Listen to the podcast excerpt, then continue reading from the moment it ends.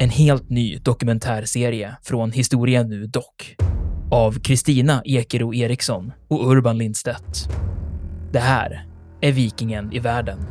Vikingarna, de var inte något främmande folk. Sannolikt är det ett slags tempel, ett kulthus helt enkelt. Enligt legenden så är rykiderna skandinaver. Från skeppet och bränslet och slavinnan och hennes herre hade blivit till aska. Du hör dokumentären på historia.nu eller där poddar finns.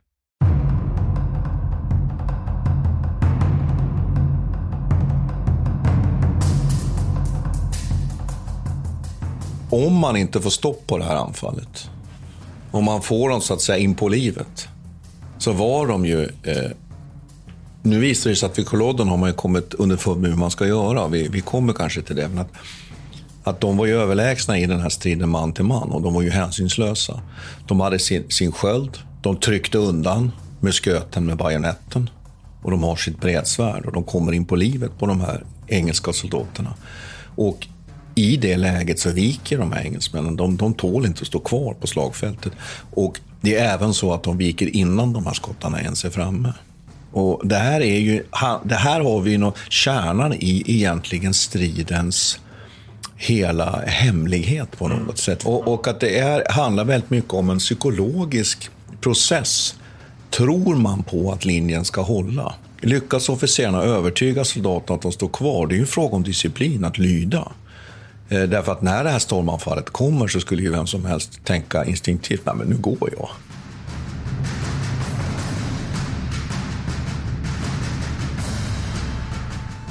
Militärhistoriepodden är podden om krig med människor och samhället i fokus.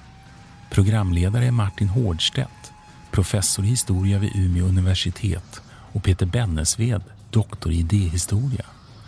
Podden ges ut av förlaget Historiska Media Stöd gärna MH-podden via vårt swishnummer 123 610 76 68.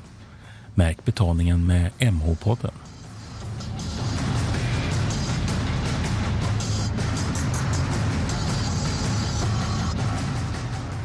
Välkomna till eh, Militärhistoria-podden. Jag heter Martin Nordstedt. Och där är Peter Bennesved. Och idag är det ju lite speciellt, Peter. Varför det? Ja, men vi, har, vi är ju i Stockholm nu. Vi är ute på exkursion. Det är det. Och vi har varit på krigsarkivet. Ja, precis. Idag. Så vi har liksom fått leka av oss på krigsarkivet. Ja, för vi har ju lite funderat. Vi ska söka forskningsprojekt, så vi har varit där och rekat lite källmaterial. Men vi kanske inte ska avslöja någonting. Nej, vi får se. Vi får se vad det blir av det där. Ja. Men man kommer ju absolut till stämning när man är där. Det gör man. Ja, och sen har vi, igår var vi på Marieberg också, så vi har liksom laddat upp. Riksarkivet Marieberg. Mm. Ja, för att temat idag är ju... Kloden. 1746, skottarnas sista förtvivlade uppror och slaget vid Kaloden. Vi måste ju börja med, det här är 1700-talet, men vi behöver gå tillbaka till 1600-talet. Mm. För att förstå det här, skulle jag vilja säga. Och det handlar ju faktiskt om den här mycket, eh, mycket intressanta företeelsen ju att det som vi idag kallar för Storbritannien bestod en gång i tiden av flera olika delar. Och där det finns ett skotskt kungahus som ju faktiskt konkurrerar under perioder med den engelska tronen om inflytandet över det som vi idag kallar för Storbritannien. Och att om vi går tillbaka till 1600-talet så har vi då en kung som heter James den andre, men faktiskt Jakob den sjunde i Skottland. Just det. Hur kommer det sig egentligen? Ja, det är för att man har två olika troner. Det är ganska vanligt att det är på det sättet. Vi har ju eh, kungar som har haft ett nummer i Norge och ett nummer i Ja, I Sverige, men varför heter de olika namn? Borde de inte vara samma? James eller Jacob? Ja, ja det kan man ju ställa sig, ställa sig en fråga. Ja. Men, men det intressanta är ju att Jakob den sjunde, mycket korta drag. Eh, då ska man ha klart för sig att alltså England är ju i huvudsak ett, ja, egentligen är det fel att säga protestantiskt land, men man är ju någon sorts det finns ju en, en sån här anglikansk kyrka som är någon form av mellanläge. Men han utmanar egentligen de ledande skikten i England på två sätt. Han börjar understödja katolikerna. Man är ju katoliker i Skottland. Det är det första som provocerar. Och vi ska komma snart till vilka han provocerar. Och sen så eh, börjar han att försöka föra kungamakten mot envälde, att spela ut parlamentet. Och som vi ju alla vet så är ju just England ju, kan man säga, det mest tydliga exemplet på att parlamentet har en väldigt stark ställning, en maktdelning mellan parlament och kunga och man inte har enväldeskonstruktionen i England som man till exempel har vid den här tiden ju faktiskt i slutet av 1600-talet i bland annat Frankrike och mm. även i Sverige faktiskt, mm. att man går mot envälde. Och så småningom utvecklas ett uppror så att den här James den andre då, han tvingas ju faktiskt i landsflykt. Och det är egentligen parlamentet som avsätter honom? Ja, de skaffar en, ja. en egen, ett eget alternativ kan man säga, William av, William av, av Oranien. Och James II försöker, bland annat med ett uppror stött av fransmännen då, eh, 1689 på Irland, där han då besegras i slag vid Boyne och sen lever han i exil under beskydd av den franske kungen Ludvig XIV. Mm. Så där är bakgrunden. Just det. Men då behöver man veta en sak till, eller hur Peter? Nämligen att han har två söner. Den men, är, ja, men, men är det, visst är det, är det James den andra, eller Jacob den sjunde då, som är the old pretender? Det finns, det finns ju, man använder de här begreppen som i folkmun. Han, två, han har två söner, så att den, den ena sönen, Jacob Edward Stewart, han är the old pretender. The old pretender, okay. ja. Och sen the young pretender eller Bonnie Prince Charles som han lite romantiskt kommer att kallas för. Det är ju Carl Edward, eller Charles Edward Stewart. Och denne Charles Edward Stewart är ju en av huvudfigurerna i dagens avsnitt av Militärhistoriepodden. Därför att det är ju han som sedan 1745 landstiger som 23-åring i Skottland och leder och kör igång det här upproret. Hur kommer det sig att man kan vara eh, liksom inte ens 25 fyllda och vara, leda en armé på den här tiden? Det tycker jag är ett spännande. Ja, för det första var man ju yngre i största allmänhet. Men sen är det ju så också att de här ledande skikten i samhället var ju ofta unga. Och de hade ju folk omkring sig. Eh, och det har han. Han har, han har, har folk omkring sig. De är sammanlagt sju stycken som ju landstiger 1700 45 på, på eh, nordvästkusten av Skottland. Och där har han med sig då folk som har militär kompetens. Så är det ofta. Men däremot är han ju faktiskt en ledare. Vi har ju en annan figur här. Ju. Ja, jag tänker hertigen av Cumberland som han då ska möta. Han, är ju, han borde vara yngre. Jag tror han bara är 20. Va? Jag tror att det, ja. Och det har att göra med adelskapet, att de, ja. de hade den här ställningen. De, de mer så att säga personifierade, båda de här figurerna personifierar ju inte nödvändigt. De, de, de, är, de är inte ledare i kraft nödvändigtvis av sin personlighet, utan av sitt, sitt konstruerade ämbete. Mm. De är, de är, eh, Cumberland är ju, är, ju, är, ju, är ju kunglig och den här är ju också kunglig. Eh, och hertigen Cumberland eh, eh, vet jag att är en av de här författarna kan man säga som har skrivit den mest berömda boken om, om, om slaget vid Culloden. Vi kan ju, kan ju släppa det, den John Preble. Ja, det är svårt att inte säga det. Nej, John Preble. Mm. Eh, han, han menar ju att den hertigen Cumberland, han är en, en knubbig pojke som sen med tiden blev tämligen fet. Så att där har vi, har vi de här två figurerna. Men jag tycker att det är en relevant fråga. Vi ska väl kanske inte gå in på... Alltså, jag, jag, tänker när jag själv var 20 bast. Jag vet inte fan om jag ens kunde liksom tvätta mina egna kläder då.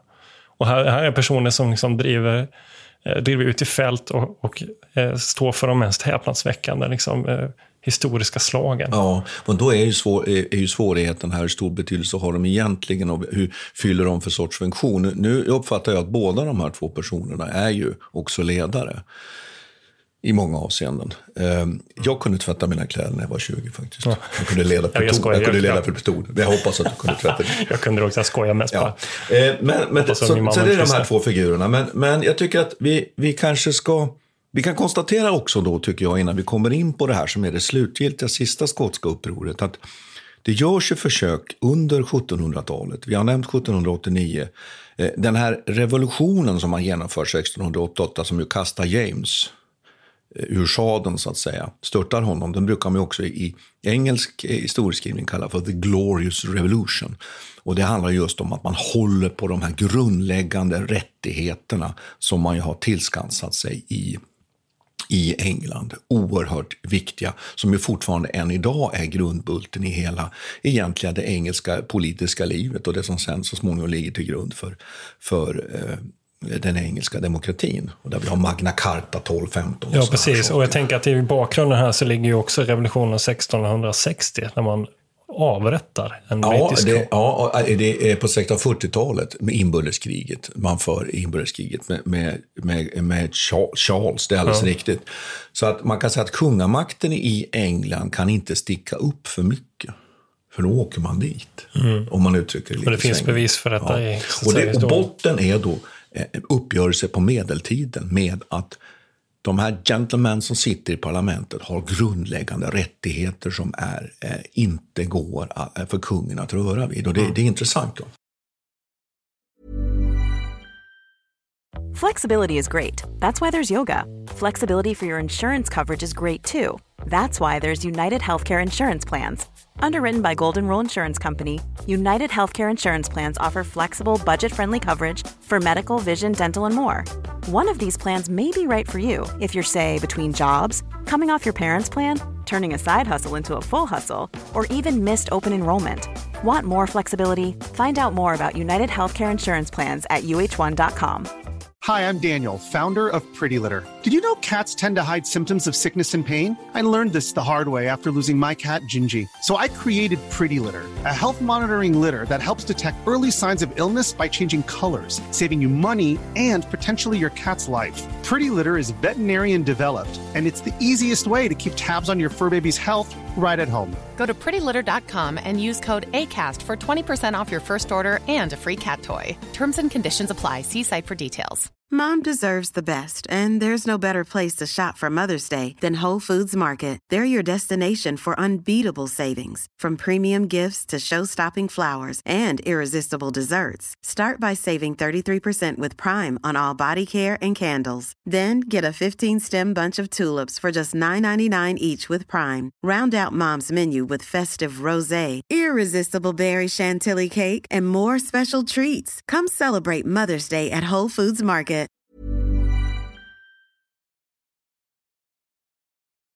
En annan kontext här också som jag, som jag tänker att det är värd, eh, värd att berätta också, det är ju den här franska kontexten. Då. För att eh, The Young Pretender, han har ju också stöd från Frankrike. Ja. Och, vad är, och det, här, det handlar ju om att, ja vad handlar det om egentligen? Ja, det handlar om att det finns, som du säger, nej, men det är ett utrikespolitiskt skeende. Ja. Det pågår ju något som heter spanska tronföljdskriget ute i Europa som pågår parallellt med det som är intressant för oss nordbor, nämligen stora nordiska kriget. Och här kan man ju bara mycket kort konstatera att det pågår två stora maktkamper i Europa. En i norra Europa, mellan framförallt Sverige och Ryssland som huvudaktörer. Men i Europa stö- stöts ju framförallt engelsmän mot fransmän i en uppgörelse som handlar om vem ska fylla tronen i Spanien. Det är därför det heter spanska tronföljdskriget.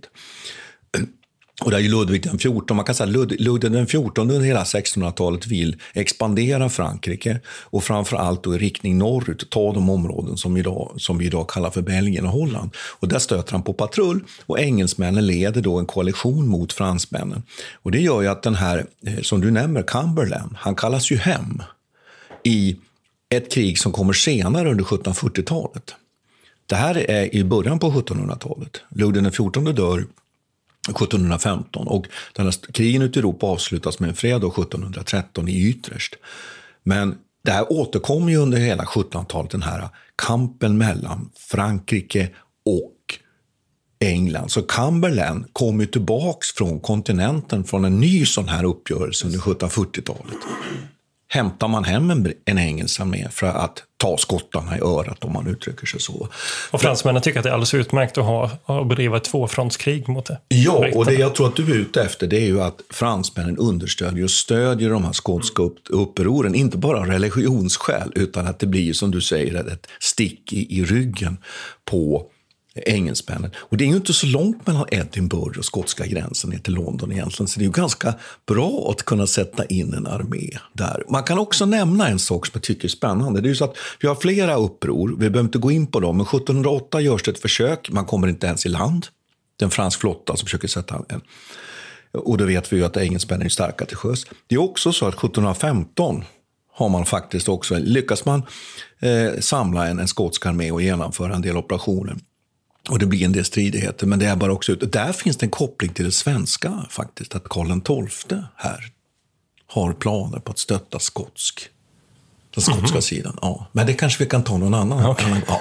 Men hur som helst.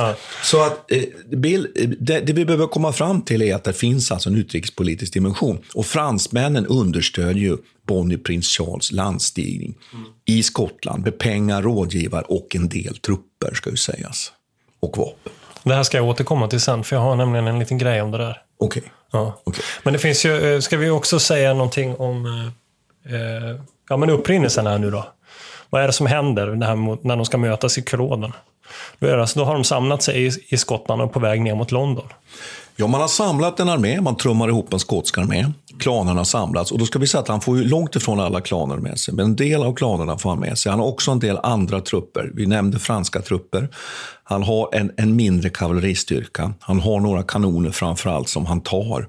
Och han belägrar och intar några städer och rör sig neråt. Och det ser ganska bra ut. Engelsmännen är bitvis skakade. Men problemet är att han får inga förstärkningar. Och han kommer så långt ner som till Derby. Och där tvingas han vända för att han inser att han har två stycken då, engelska arméer mot sig och då har man hunnit få hem Cumberland. Och då retirerar han bakåt och hans problem är att han har inga pengar så han kan inte betala egentligen soldater och värva. Eh, skottarna börjar också lämna, desertera i ganska betydande mån när de lämnar högländerna. Och där kanske vi kan säga en sak som är väldigt spännande i det här fallet. Att den skotska armén och de här skotska höglänsregementena, de är ju rekryterade egentligen därför att man ju var tvungen att helt enkelt gå i strid när hövdingen kallade. De skotska högländerna är ju organiserade socialt, ekonomiskt, politiskt i ett klansystem. Där man har en hövding som är egentligen väldigt eh, oklart egentligen varför han äger de här områdena, landområdena. Av gammal hävd egentligen. Av gammal hävd mm. helt enkelt. Och han har under sig då undervasaller. Och de här undervasallerna, eh, så kallade taxmen, taxmen på engelska, de, de är i sin tur då så att säga, de arrenderar eller har ansvar för vissa områden och de i sin tur har då en massa bönder helt enkelt som har deras områden. Och så här finns det nu en organisation. Så att när hövdingen kallar, då de här taxmen, de samlar då in sina män och sätter upp ett, ett, ett, eh, ett, eh, ett, ett regemente. Och då står man ju uppställd, uppställd alltså i slaktordning då, att de här mest förnämsta taxmen står liksom längst fram. De utgör ofta, blir ofta officerare, underofficerare och som har de sina män då. Så att desto högre ställning man hade socialt i, i klansamhället, desto längre fram stod man helt enkelt. Okay. Det är ganska fascinerande. Ja. Och sen ska man inte framställa de här klanhövdingarna som några barbarer, utan de hade ofta förfinad kultur, kunde franska, hade läst och och eh, hade kontakter eh, med, med omvärlden. Men däremot var klansamhället, får jag bara säga, väldigt primitivt. Och man ska inte romantisera kring klansamhället. Det var ett förtryckarsamhälle. Det var, ett, var ju ett, ett, ett feodalt samhälle. Man kan också fråga sig lite, om man ska diskutera lite så metaperspektiv, och lite historiografiskt. Det finns ju också ett behov av att framställa dem som lite primitiva. Att man på något vis vill, vill mena att den, den brittiska civilisationen, den engelska civilisationen kom här och liksom i ett avgörande slag slog ut det här. Och gjorde kulturen. och ställde allting till rätta ja, i högländerna. Mm. Och där kan man väl säga att som vanligt så ligger ju sanningen någonstans mittemellan. Samtidigt då som skottarna själva har varit måna om att lyfta fram sin egen, e-, egen egenhet. Och kanske romantisera ja. kring sitt klansamhälle. Så det håller jag med om. Jag tror att på botten i ett sånt här klansamhälle, precis som ett kastsamhälle, som i alla sådana här feodala strukturer, man inte äger sin jord utan jobbar åt andra, så tror jag man levde under väldigt knappa och svåra förhållanden. Visst. Sen är det också så här, man kan ju fråga sig hur eh, den här armén som han eh, samlar ihop, den består ju inte bara av högländare. Det är ju också en, en, en eh, ganska stor andel för säga, reguljär armé, fransmän, och det är också lågländare och britter. Lågländare och britter, en del. del så det, men, men man kan väl säga att de mest slagkraftiga delarna i den här armén, man kan ju nämna det att han har ju faktiskt vid Culloden ungefär 7000 man. Han, han lyckas ändå eh, få ihop en armé på lite mer, det är en del som försvinner under. Eh, man kan väl nämna att när han är på väg tillbaks så, så, så vinner han ju faktiskt en, en seger vid Falkirk. Eh, där ju britterna en del av de här brittiska arméerna blir fullständigt nerhuggna. Och där kan man väl nämna direkt, vi ska ju komma in mer på det här, att britterna har svårt att hantera de här frontala skotska anfallen head-on. Eh, där skottarna snabbt förflyttar sig helt enkelt. Okej, okay, men vad är, det, vad är det med de här eh, högländarna som är så, som var så besvärligt då? Ja, du tänker ur eh, engelsk synvinkel? Ja, precis. Ja. Nej, det är ju att, att om man inte får stopp på det här anfallet, om man får dem så att säga in på livet, så var de ju... Eh, nu visar det sig att vid Kolodden har man kommit underfund med hur man ska göra. Vi, vi kommer kanske till det. Men att, att de var ju överlägsna i den här striden man till man och de var ju hänsynslösa. De hade sin, sin sköld, de tryckte undan musköten med bajonetten och de har sitt bredsvärd och de kommer in på livet på de här engelska soldaterna. Och i det läget så viker de här engelsmännen. De, de tål inte att stå kvar på slagfältet. Och det är även så att de viker innan de här skottarna ens är framme.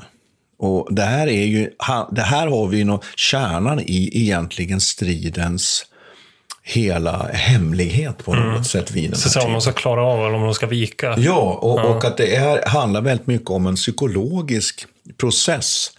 Tror man på att linjen ska hålla? Lyckas officerarna övertyga soldaterna att de står kvar? Det är en fråga om disciplin, att lyda. Eh, därför att när det här stormanfallet kommer så skulle ju vem som helst tänka instinktivt, nej men nu går jag. Men om vi ska försöka, ja. om vi, om vi försöker visualisera här nu då, vad de gör. Okej, okay, så du har ett gäng högländare med sina speciella rutiga kläder, de har sin lilla lädersköld. Eh, Ja, som inte var så liten, det ja. var väl, ja men i alla fall. Ja, ja precis. Mm. Och sen har de ett bredsvärd då. Mm. Eller någon slags, kan man också ja. kalla någon slags värja eller? Ja, alltså, och alla högländare ska vi säga hade ju inte bredsvärd. Man har mm. ju diskuterat det här lite hur välutrustade de var. Mm. Och man, man säger att efter slaget vid Kulloden så hittar man då en massa bredsvärd och hand om dem. Men i majoriteten av de vapen man hittar är ju framförallt musköter. Och yxor va? De använder också Delade yxor, yxor ja, och sen mm. också knivar. Men om man, om man nu skulle ta idealtypen av den mest välutrustade högländaren, då har den ju precis som du säger en, en, en, en sköld, en musköt, två pistoler till och med instuckna i bältet och en kniv nere i strumpan och bredsvärd.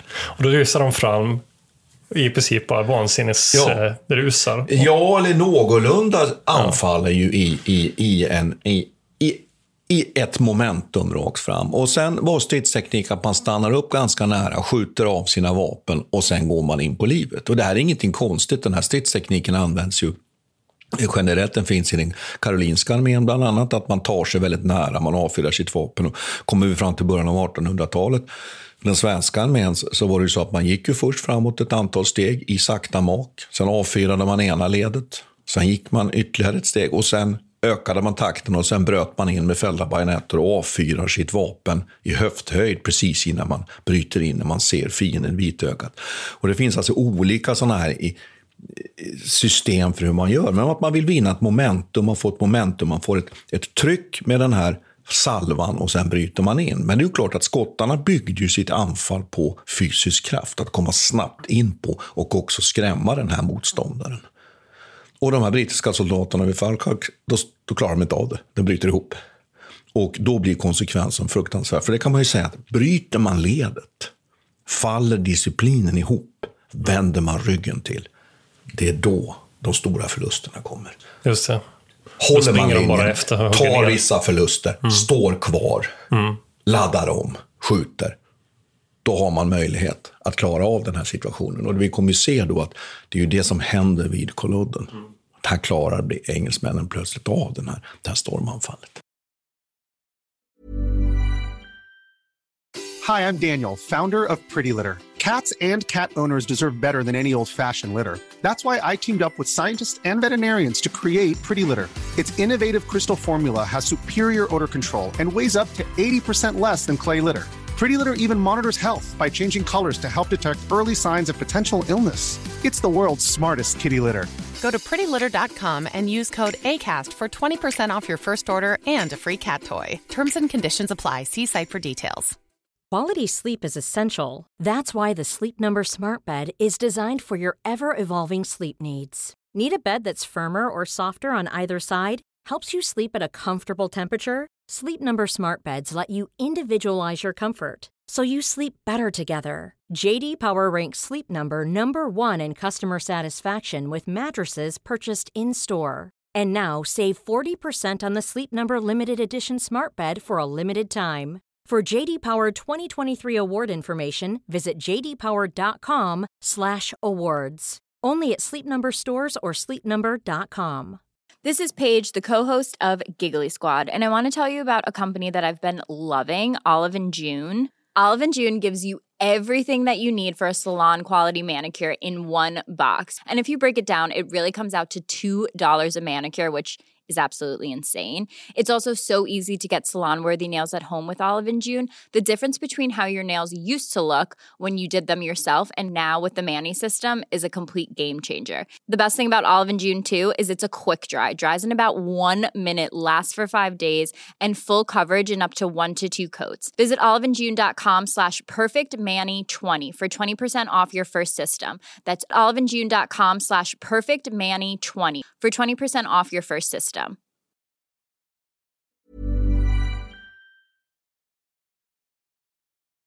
Okej, vad händer nu då? Ska vi, ja, men, ja, ska vi måla upp den här? Nu, nu är det ett fält här då. Som är Culloden Moor. Ja, jag har varit, jag har varit där. Och Ja, det, det det, är det är inte särskilt bra egentligen anpassat för den här typen av krigföring som eller taktik eller stridsteknik som skottarna vill använda. Det bästa skulle egentligen ha varit att anfalla de här britterna när de är lite oförberedda faktiskt. Eller kanske i någon nedförsluttning eller någonting sånt. Va? Utan här är ett öppet fält med ljung, så det är svårt att springa. Samtidigt är det öppet så engelsmännen kan skjuta och se dem på ganska långt avstånd. Och man är uppställda i två stycken klassiska linjer. Två träffen som det heter, alltså två stycken linjer, en första linje och sen en reservlinje. Så det betyder att bryter motståndaren igenom den första har man en, en reserv. Och, så. och då kan man säga att den här eh, grupperingen då, den, de står då, de här linjerna i nord-sydlig riktning precis. Och i söder då så finns det en, en mur som komplicerar lite grupperingen. Och i norr finns det ingen mur. Utan skottarna anfaller ju rakt österut mot den här brittiska linjen. Och vad, hur, hur ter sig det här slaget? Det är ju strax efter lunch. Eh, Man kan väl nämna att skottarna har ju en idé här som inte alls är tokig. Den är ju på natten innan att ta engelsmännen i deras läger. Men det är så mörkt och det blir sånt trassel och såna friktioner som kommer inte fram. Och de bestämmer sig då för att leverera batalj på det här slagfältet. Och ser man det här lite, man lyfter nu till den här lite högre nivån här så inser ju Bonnie Prince Charles här att han, han måste leverera det här slaget. Det enda, enda alternativet är att han, att han helt enkelt bara ska låta trupperna smälta samman och försvinna upp, kondenseras upp i högländerna så att säga. Och då är hans problem att han har ingenting att betala med. Så frågan är hur de skulle reagera när han inte har någonting att ge dem i lön. Alltså nu insinuerar du att han i princip offrar sina armé? Nej, det ska jag inte säga, men det är ett av hans stora problem. Och fransmännen försöker skicka pengar, men engelsmännen snappar upp de här pengarna. Ska, men det, det finns ju en, en annan författare som heter eh, Pittock, som Mm. också har skrivit lite grann om, om det här slaget Culloden. Han, han lyfter ju fram det här, den stad som ligger i närheten som han egentligen strider om, Inverness. Mm. Det är ju en hamnstad. Just det. Och en av de viktigaste hamnstäderna för, hela, för, för det här skottländska, alltså Skottlands höglandet här. Så det, det är ju en nyckelposition också som man kan nämna i det här sammanhanget. För ifall Bonnie Prince Charles förlorar den hamnen så förlorar han också kontakten med fransmännen. Och också i Span- eh, Spanien då, som också skickas, skickar silver. Så det är det eh, delvis de strider. Också den här författaren då lyfter fram att det är just därför han väljer att ta den här striden vid Culloden, för han måste behålla Inverness. Man kan säga att det är, en förtvivlad strid från skottarnas sida på, säga, på något sätt. Och klart att vinner han då den här framgången, då kan man spekulera lite och kanske samlingen hade blivit större kring den skotska saken eller någonting sånt. Men det, det känns ju ändå som att det var eh, när man, om i alla fall om man läser de här John Preble bland annat, som Ja. jag får man intrycket av att det var kört från början. Men, och delvis för att de var utschasade, va? De var trötta. Ja, de var Hade- trötta, de ja. har marscherat flera dygn, de hade inte fått mat. Eh, det är ju ett förtvivlat anfall de sätter in så småningom. Och det man kan nämna här, tycker jag, man kan ju säga några saker nu. Vi, håll, vi, vi håller ju nu lite här på, på, på det, det, jag skulle säga, det, det göttaste här, eller vad ska man säga, det förfärligaste egentligen, det är själva slaget. Men John Preble har ju skrivit en bok som är väldigt fascinerande. Han, där han går igenom det här slaget steg för steg och har ju med oerhört mycket källor från enskilda individer, så den är väldigt spännande. Och det kan man ju nämna här, att, att Peter Englund läste ju den här boken en gång i Mm. tiden och blev ju helt tagen. Och valde ju sen att skriva en bok, Poltava, med samma, kan man säga, lite metod. Ett underifrån perspektiv på krigföringen. Så att läser man den här kollodden så får man ju verkligen den enskilde soldatens eh, perspektiv. Det kan samtidigt vara frustrerande. Jo, vi, tycker- vi har jag- pratat lite om det. Jo, jag tycker det är besvärligt för oss som, som jobbar med de här sakerna. Eh, För då använder man ju böcker på ett väldigt praktiskt sätt också. Att du vill ha, liksom, du vill ha rätt information och du vill veta att den är säker. Mm. Eh, Men i den här typen av böcker där man är så väldigt fokuserad på de här anekdotiska berättelserna. Så jag letar efter ja. detaljerna, jag letar Ja. efter årtalen, jag letar efter liksom bevisen, källorna och Ja. allting. Och man får det aldrig Och också det kan vara svårt med helheten. Men den här skotska armén i alla fall, den beslutar sig så småningom. Det är så att engelsmännen börjar beskjuta den skotska linjen. Det finns en diskussion om hur länge den här kanonaden pågår. Det är faktiskt så att den, den, man brukar ju prata om Jakob, ja, Jakob, jakobinerna helt enkelt. I, i, brukar man ju prata om. Och det är ju inte jakobiner i Frankrike, utan det är ju de som står för Jacob alltså eh, slåss för den skotska saken. Eh, då öppnade engelska artilleriet eld. Eh, hur stor, hur stor, stora förluster skottarna har finns det olika diskussioner om. Skotska ögonvittnen får en känsla av att ska vi stå kvar här, vi blir skjutna till, till småbitar. Eh, det skotska artilleriet är föga effektivt. Hur som helst fattar man beslut om att helt enkelt anfalla. Och då anfaller man och sätter igång hela linjen. Det som blir ett problem är ju att den skotska högerflygeln, alltså den som är längst söder, den som anfaller längst ner mot, mot de här, den här muren, eh, kommer iväg först. Och sen kommer den, den övriga linjen kommer på efterkärlek. Så det gör att man får inte en samlad effekt på den engelska eh, slaglinjen. Och till saken har ju också att britterna då har positionerat några trupper bakom den här muren. Just det, och kan skjuta som vi Ja. skulle säga flankerande eld. Mm. Alltså. Eh, och dessutom kan vi väl nämna att man ju också på den andra sidan, det här är ju söderut, alltså norrut, på, sin, på engelsmännens högra flygel så att säga, har man också dragoner som finns beredda att anfalla på båda flyglarna.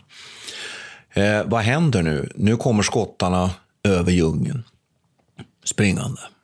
Och vad möts de av? Artilleriet laddar druvhagel. Alltså med Kartescher. förberedda, alltså druvhagel, små, små kulor. Som ju river fullständiga hål i den här skotska linjen som kommer framåt. Här stupar ju oerhört många redan de ens har nått fram till den, till den engelska linjen.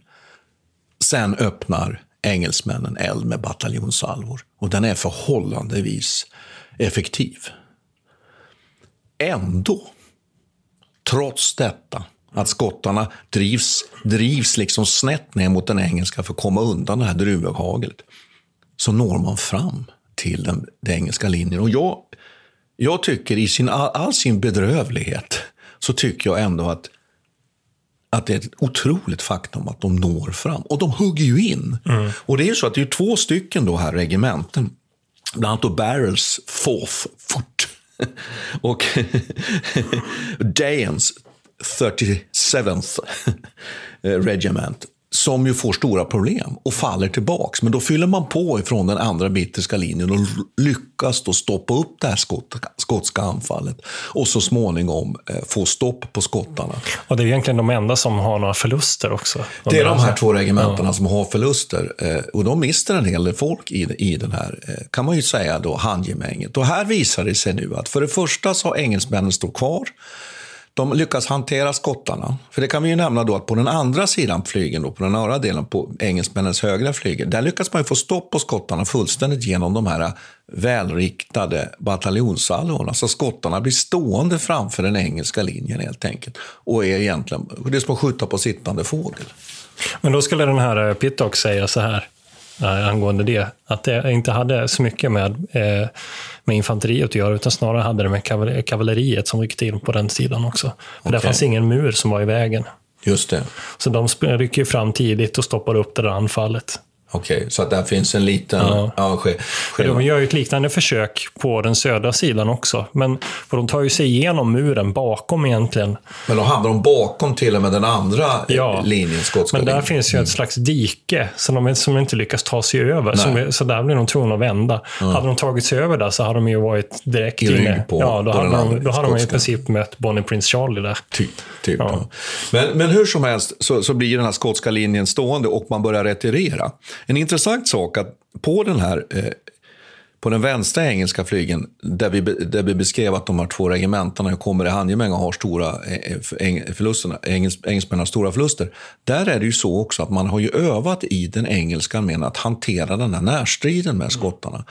Och man, ska, man, man har övat soldaterna att helt enkelt inte attackera med bajonetten mannen rakt fram. Utan man ska sticka åt höger. Därför där har man en skotsk soldat som har blottat sida. För skölden just är ju åt vänster. För tekniken skottarna var att trycka undan bajonetten och så gå på med bredsvärdet. Utan här gällde det nu att lita på kompisen till vänster, att han tog din. Och istället körde du bajonetten helt enkelt i skotten till höger. Det påminner ganska mycket om när vi pratar om eh, grekiska falangen. Ja, det här är ju faktiskt lite en sån strid. Men det här med bajonetten är ju Ja. väldigt intressant. Jo, alltså jag, jag gjorde lite eftersökningar kring den. För när vi satt och pratade om det, det finns ju egentligen, om man läser då eh, den här, den här boken, eh, Kulåden, och eh, också i andra källor som bes- beskriver det, så finns det ju några saker som, som anses vara avgörande. Det ena är ju där du säger att man har en drillad, drillad infanteri. Men man kan ju också lyfta fram artilleriet då. Och att för å ena sidan så hade britterna betydligt fler kanoner. Och de andra eh, skottarna hade väldigt få och de som väl använde dem hade i princip Funkat. inget trä. Nej, de klarade de bara sköt rakt över. Och det hade i princip ingen effekt. Men sen så fastnade jag för den här bajonetten då. Eh, vad, vad är, för det finns ju en, en bild här också, en målning som är gjort av David, vad heter han, David Morey någonting. Kan ta reda på det. Men han var med alltså under det här slaget och det är en väldigt känd bild där man ser då en brittisk infanterist hålla en musköt med bajonett på och då sticker mot eh, de här högländerna i sina kläder. Eh, och, eh, då kan man ju fundera på vilken roll spelar, jag är, lite, jag är ju lite teknikhistoriker och så jag tycker de här sakerna är ganska fascinerande. När börjar man egentligen använda bajonetten? Har du, har du någon eh, känsla för det? Eller? Ja, jag skulle vilja säga att bajonetten börjar på allvar att användas i slutet av 1600-talet. Vi är precis Ja. i den tiden. Och Ja, därför, precis. får jag bara nämna det? Nu, nu kanske jag stjäl showen här, men det Ja, tror men jag så- inte. Men, ja. men det är att, det är intressant att det är ju verkligen det bajonettutrustade infanteriet mot den här, vad ska vi säga, Ja. mera eh, blanka stickvapen. Jo, och det, och det här slaget är ju lite av en revolution för bajonetten, för den här typen av bajonett. Och det är inte första gången som bajonetten spelar en stor roll i, i det här området. För redan 1688 eller 89 vid ett annat slag, slaget vid Killiecranky. Då är det alltså eh, vid den här första revolutionen, eller första försöket. Eh, och då, då eh, testar britterna en, en ny typ av bajonett. Men då är det den här som man sticker ner i musköten. Alltså man sticker ner den i liksom röret. Och då kan man inte skjuta samtidigt. Nej, det kan man inte göra. Och, och Det som händer då, det är när högländarna de springer ner och ska möta det brittiska infanteriet, så hinner de inte stoppa på bajonetterna i rätt tid. Utan skottarna över dem. Ja, och de får panik. Ja. Och det slutar i 2000 döda nästan. De bara, det blir fullkomlig panik och de bara springer. Och, och kullodden så sitter bajonetten på. och det är det som är grejen. Den här befälhavaren då, den brittiska befälhavaren som, som eh, står under eh, eh, William av, eh, eh, vad heter han, Orange? Oranien. Oranien, ja. Han eh, ser ju detta och han försöker då utveckla en ny typ av Mm. bajonett som man liksom fäster på utansidan då av musköten. Klassiska bajonettfatt. Ja, den som man nu känner till. Mm. Och denna testas och används i kuloden med stor framgång. Och den övas ju. Mm. Och efter detta så börjar man också använda bajonetten. Så den har ju jättestort genom, eh, jättestor användning under eh, amerikanska revolutionskrigen 1775 till 83. Va? Hi, I'm Daniel, founder of Pretty Litter. Did you know cats tend to hide symptoms of sickness and pain? I learned this the hard way after losing my cat, Gingy. So I created Pretty Litter, a health monitoring litter that helps detect early signs of illness by changing colors, saving you money and potentially your cat's life. Pretty Litter is veterinarian developed, and it's the easiest way to keep tabs on your fur baby's health right at home. Go to prettylitter.com and use code ACAST for 20% off your first order and a free cat toy. Terms and conditions apply. See site for details. Planning for your next trip? Elevate your travel style with Quince. Quince has all the jet setting essentials you'll want for your next getaway, like European linen, premium luggage options, buttery soft Italian leather bags, and so much more. And is all priced at 50 to 80% less than similar brands. Plus, Quince only works with factories that use safe and ethical manufacturing practices. Pack your bags with high-quality essentials you'll be wearing for vacations to come with Quince. Go to quince.com slash pack for free shipping and 365-day returns. Mom deserves the best, and there's no better place to shop for Mother's Day than Whole Foods Market. They're your destination for unbeatable savings, from premium gifts to show-stopping flowers and irresistible desserts. Start by saving 33% with Prime on all body care and candles. Then get a 15-stem bunch of tulips for just $9.99 each with Prime. Round out Mom's menu with festive rosé, irresistible berry chantilly cake, and more special treats. Come celebrate Mother's Day at Whole Foods Market. Men jag vet att det fanns eh, tidigare bajonetter. Det kan hända att det här är utvecklingen ensam. Jag vet ju till exempel att den svenska armén och Karolinski hade också bajonett på till exempel Livgardet. Så bajonetten fanns ju. Eh, och den blir ju då ett utbyte. Man byter ut de här pik pikinerarna Ja. mot den bajonetten. Så plötsligt har du ett infanteri som kan skjuta, men som också kan stoppa kavalleri. Och som också kan attackera med det här. Så det är ju liksom ett förnämligt vapen. Den är ju nästan två meter lång alltså. Tillsammans inte- blir ja. vapnet och Visst. bajonetten. Ja, och vissa bajonetter är 50-60 centimeter långa. Och det gör att man sen plockar bort sidovapnet. Karolinska armén hade fortfarande värjan kvar. Men det plockar man så småningom bort vid infanteriet. Och kommer fram till Napoleontiden, ja då har man inte längre sidovapen. Då har man bara det bajonettförsedda musköten. Och då blir också eldgivningen har helt tagit över betydelsen på slagfältet. Men det betyder ju alltså att de här skottarna dels har stora förluster på vägen fram. Och sen möter de ett infanteri som i större utsträckning har lärt sig att hantera den här helt enkelt man mot man. Och det slutar ju då naturligtvis med ett, ett, ett veritabelt blodbad för skottarna. De mister mellan, det finns lite olika siffror. En del säger 1000, en del säger 1500, en del säger till och med 2000 i döden. Mm. Jag har också läst upp mot, alltså runt 700 också. Ja, så det, det finns, så det en- finns olika. Eh, eh, skottarna, en del förband faktiskt, eh, retirerar tillbaks till sin slaglinje med, ordnat med eh, fa, fanorna faktiskt med sig. Och en del blir kvar, tillfångatas. Och sen släpper man lös eh, eh, de engelska dragonerna på den här armén nu som är illa tilltygad. När den här liksom första linjen av de bästa trupperna är borta. Och många av de här hövdingarna klanhövdingarna stupar ju på vägen fram. Det finns ju hiskeliga historier om, om, om personer som springer 50-60 meter med avskjutet lårben och, och, och stupar i djungeln med eh, avskjutna hälsenor och så vidare. Så att det är ju en enorm, ett enormt blodbad som släpps lös över de här skottarna sen så småningom. Och besöker man Kaludden så finns det ju gravhögar utmärkta där de ligger liksom i klangravar, massgravar kvar. Det är ganska, ganska gripande faktiskt måste jag säga. Så att, att är man i Skottland så bör man besöka slagfältet vid Kaludden.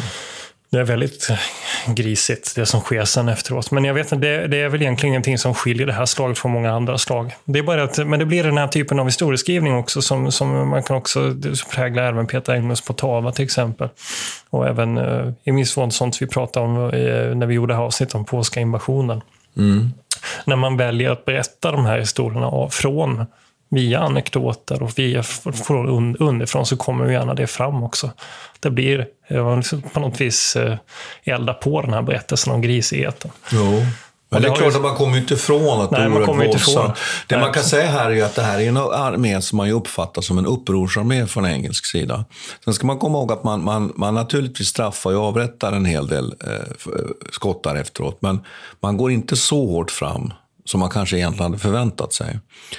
Eh, däremot är det ju så att det här är sista gången som skottarna gör det. Det tycker jag, det tycker jag tillhör historien om skottarnas eh, sista uppror.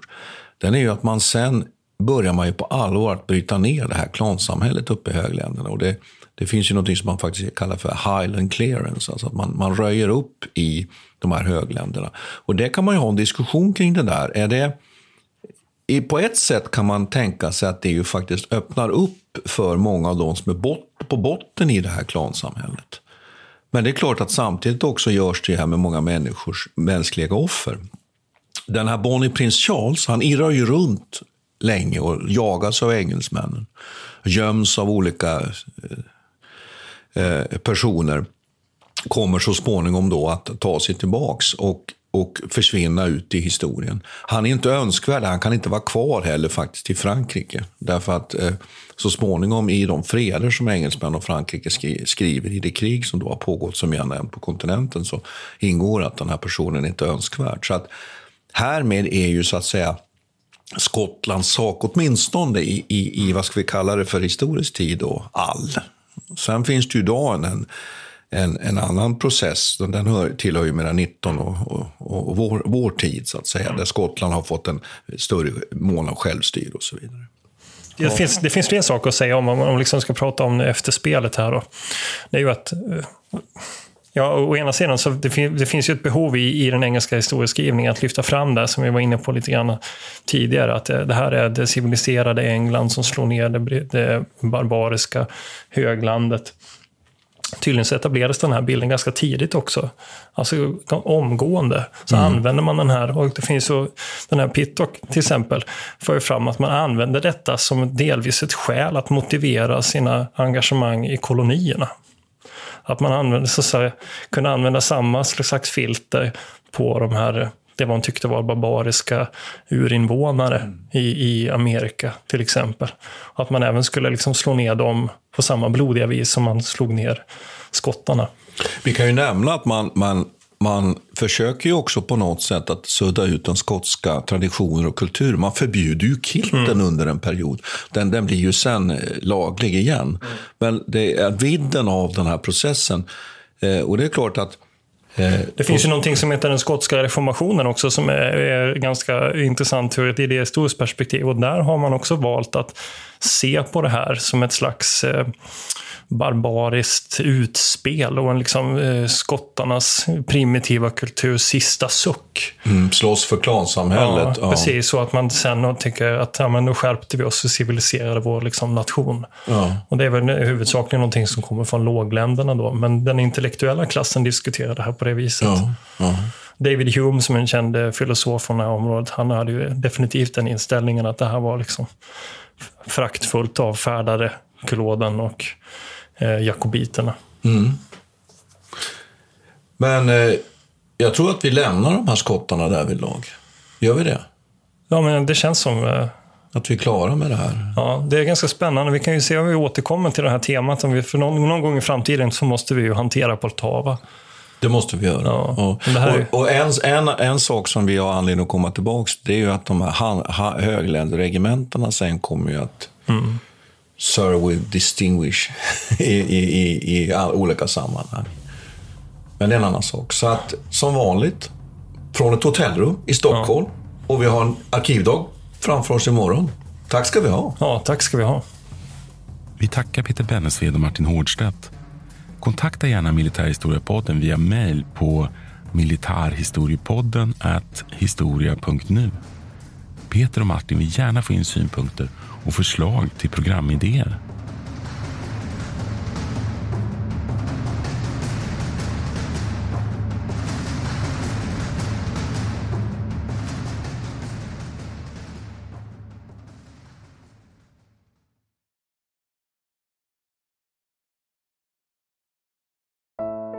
Iran har under 1900-talet genomgått tre omvälvande revolutioner som orienterat landet antingen mot västerlandets modell eller mot en auktoritär styrelseform. Idag pågår en social revolution i landet som vänder sig mot det islamistiska styret och vars anhängare har Europa och väst som förebilder.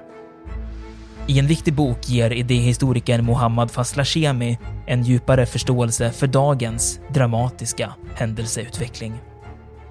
Iran mellan tre revolutioner är utgiven av förlaget Historiska Media. Beställ den fysiska boken på förlagets hemsida historiskamedia.se eller köp den i en bokhandel nära dig.